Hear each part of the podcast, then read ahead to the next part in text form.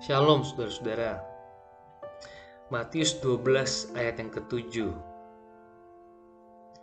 Jika memang kamu mengerti maksud firman ini, yang ku kehendaki ialah belas kasihan dan bukan persembahan. Tentu kamu tidak menghukum orang yang tidak bersalah.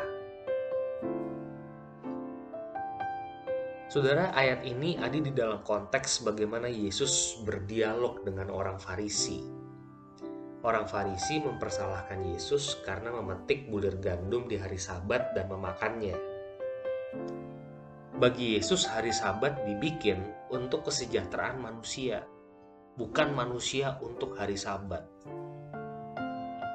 Yesus menilai bahwa tafsiran-tafsiran orang Farisi terhadap Taurat terlalu kaku dan tidak akurat menangkap pesan Allah. Yesus memberikan sebuah kalimat yang sangat jelas. Yang ku kehendaki ialah belas kasihan dan bukan persembahan. Yesus sangat berbelas kasih kepada manusia. Yesus ingin hukum Taurat itu justru membebaskan, bukan membelenggu umat manusia. Saya jadi ingat kemarin di ibadah saya menyanyikan lagu Memandang Salib Rajaku. Bait kelima dari lagu itu mengatakan kira-kira andaikan aku memberikan seisi jagat atau seisi dunia kepada Tuhan, hal itu tak akan cukup. Yang Tuhan minta adalah dirimu. Saya hampir menitikan air mata menyanyikan bait kelima ini kadangkala kita suka ribut ya soal aturan Taurat. Kasih perpuluhan itu 10% apa 5%? Kasih ke gereja berapa persen dari 10% itu? Dan sebagainya dan sebagainya. Saya disadarkan bahwa memberikan persembahan kepada Tuhan itu seharusnya sebanyak mungkin. Satu rekening kita atau dua rekening kita kalau ada yang punya lebih dari satu rekening. Nggak akan cukup buat Allah yang Allah minta itu sebenarnya adalah keseluruhan diri kita. Dia ingin kita memberikan uang kita kepadanya. Dia juga ingin kita memberikan persembahan kita dengan hati yang sukacita.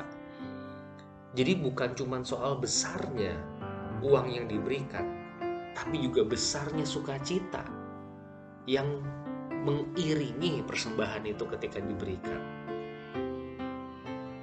Ketika kita berpuasa, apakah kita melakukannya dengan segenap hati? Tuhan tidak ingin kita hanya berpuasa saja, tapi Tuhan ingin kita melakukannya juga dengan passionate, dengan sukacita. Tuhan ingin kita memelihara Taurat Tuhan, yes, tapi Dia juga ingin kita melakukannya dengan makna yang benar. Yang ku kehendaki ialah belas kasihan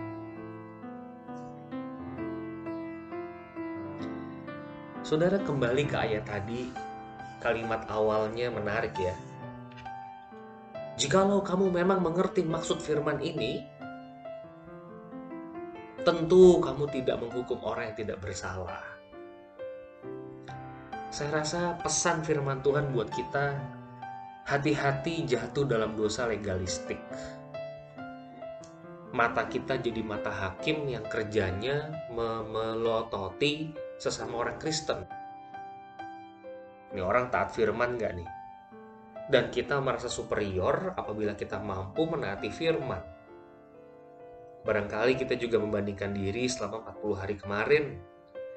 Saya puasa 40 hari, dia cuma 30. Pertanyaannya bagi kita yang berpuasa, apakah kehidupan 40 hari bersama Tuhan kemarin terasa lebih hangat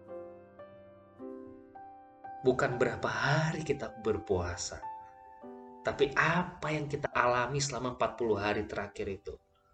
Apa refleksi saudara ayo?